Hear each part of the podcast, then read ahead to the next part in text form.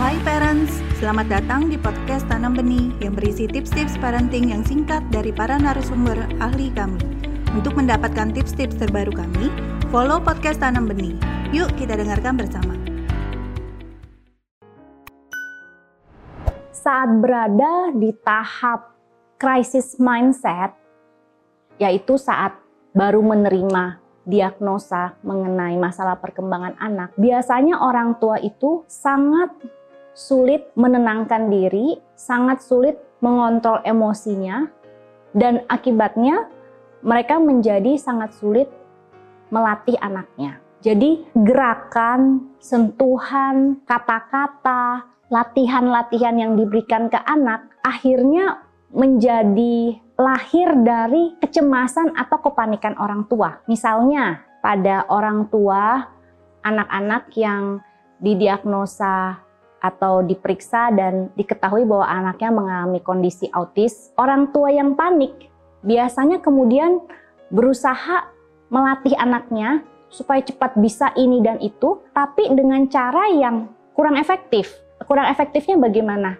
Mereka melatih dengan kepanikan anaknya lebih sering dikasih instruksi, lebih sering dikasih perintah, anaknya lebih sering dipaksa untuk fokus, untuk tenang, tanpa memperhatikan kondisi emosi anak, tanpa melihat anaknya ini sudah bisa atau belum terhadap uh, perintah atau instruksi yang diberikan, dan latihan-latihan yang diberikan itu karena diberikan dengan kepanikan ya dan kecemasan, si anaknya ini ikut tertular kepanikan dan kecemasan orang tuanya.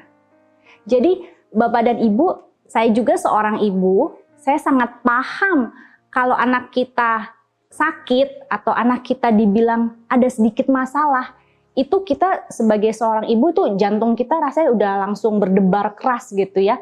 Dan rasanya tuh kita nggak mau gitu loh melalui proses yang panjang pengennya dia cepet-cepet beres deh pengennya cepet-cepet pulih pengennya cepet-cepet sembuh gitu ya nah tapi kalau saat ini anak-anak bapak dan ibu didiagnosa atau diperiksa dan dikatakan mengalami masalah perkembangan yang untuk pemulihannya, untuk dia bisa mengejar hal-hal yang perlu dia kuasai gitu ya, untuk supaya dia mandiri dalam hidupnya mungkin it will take time. Itu akan butuh waktu ya. Nggak cepet seperti minum obat terus langsung sembuh.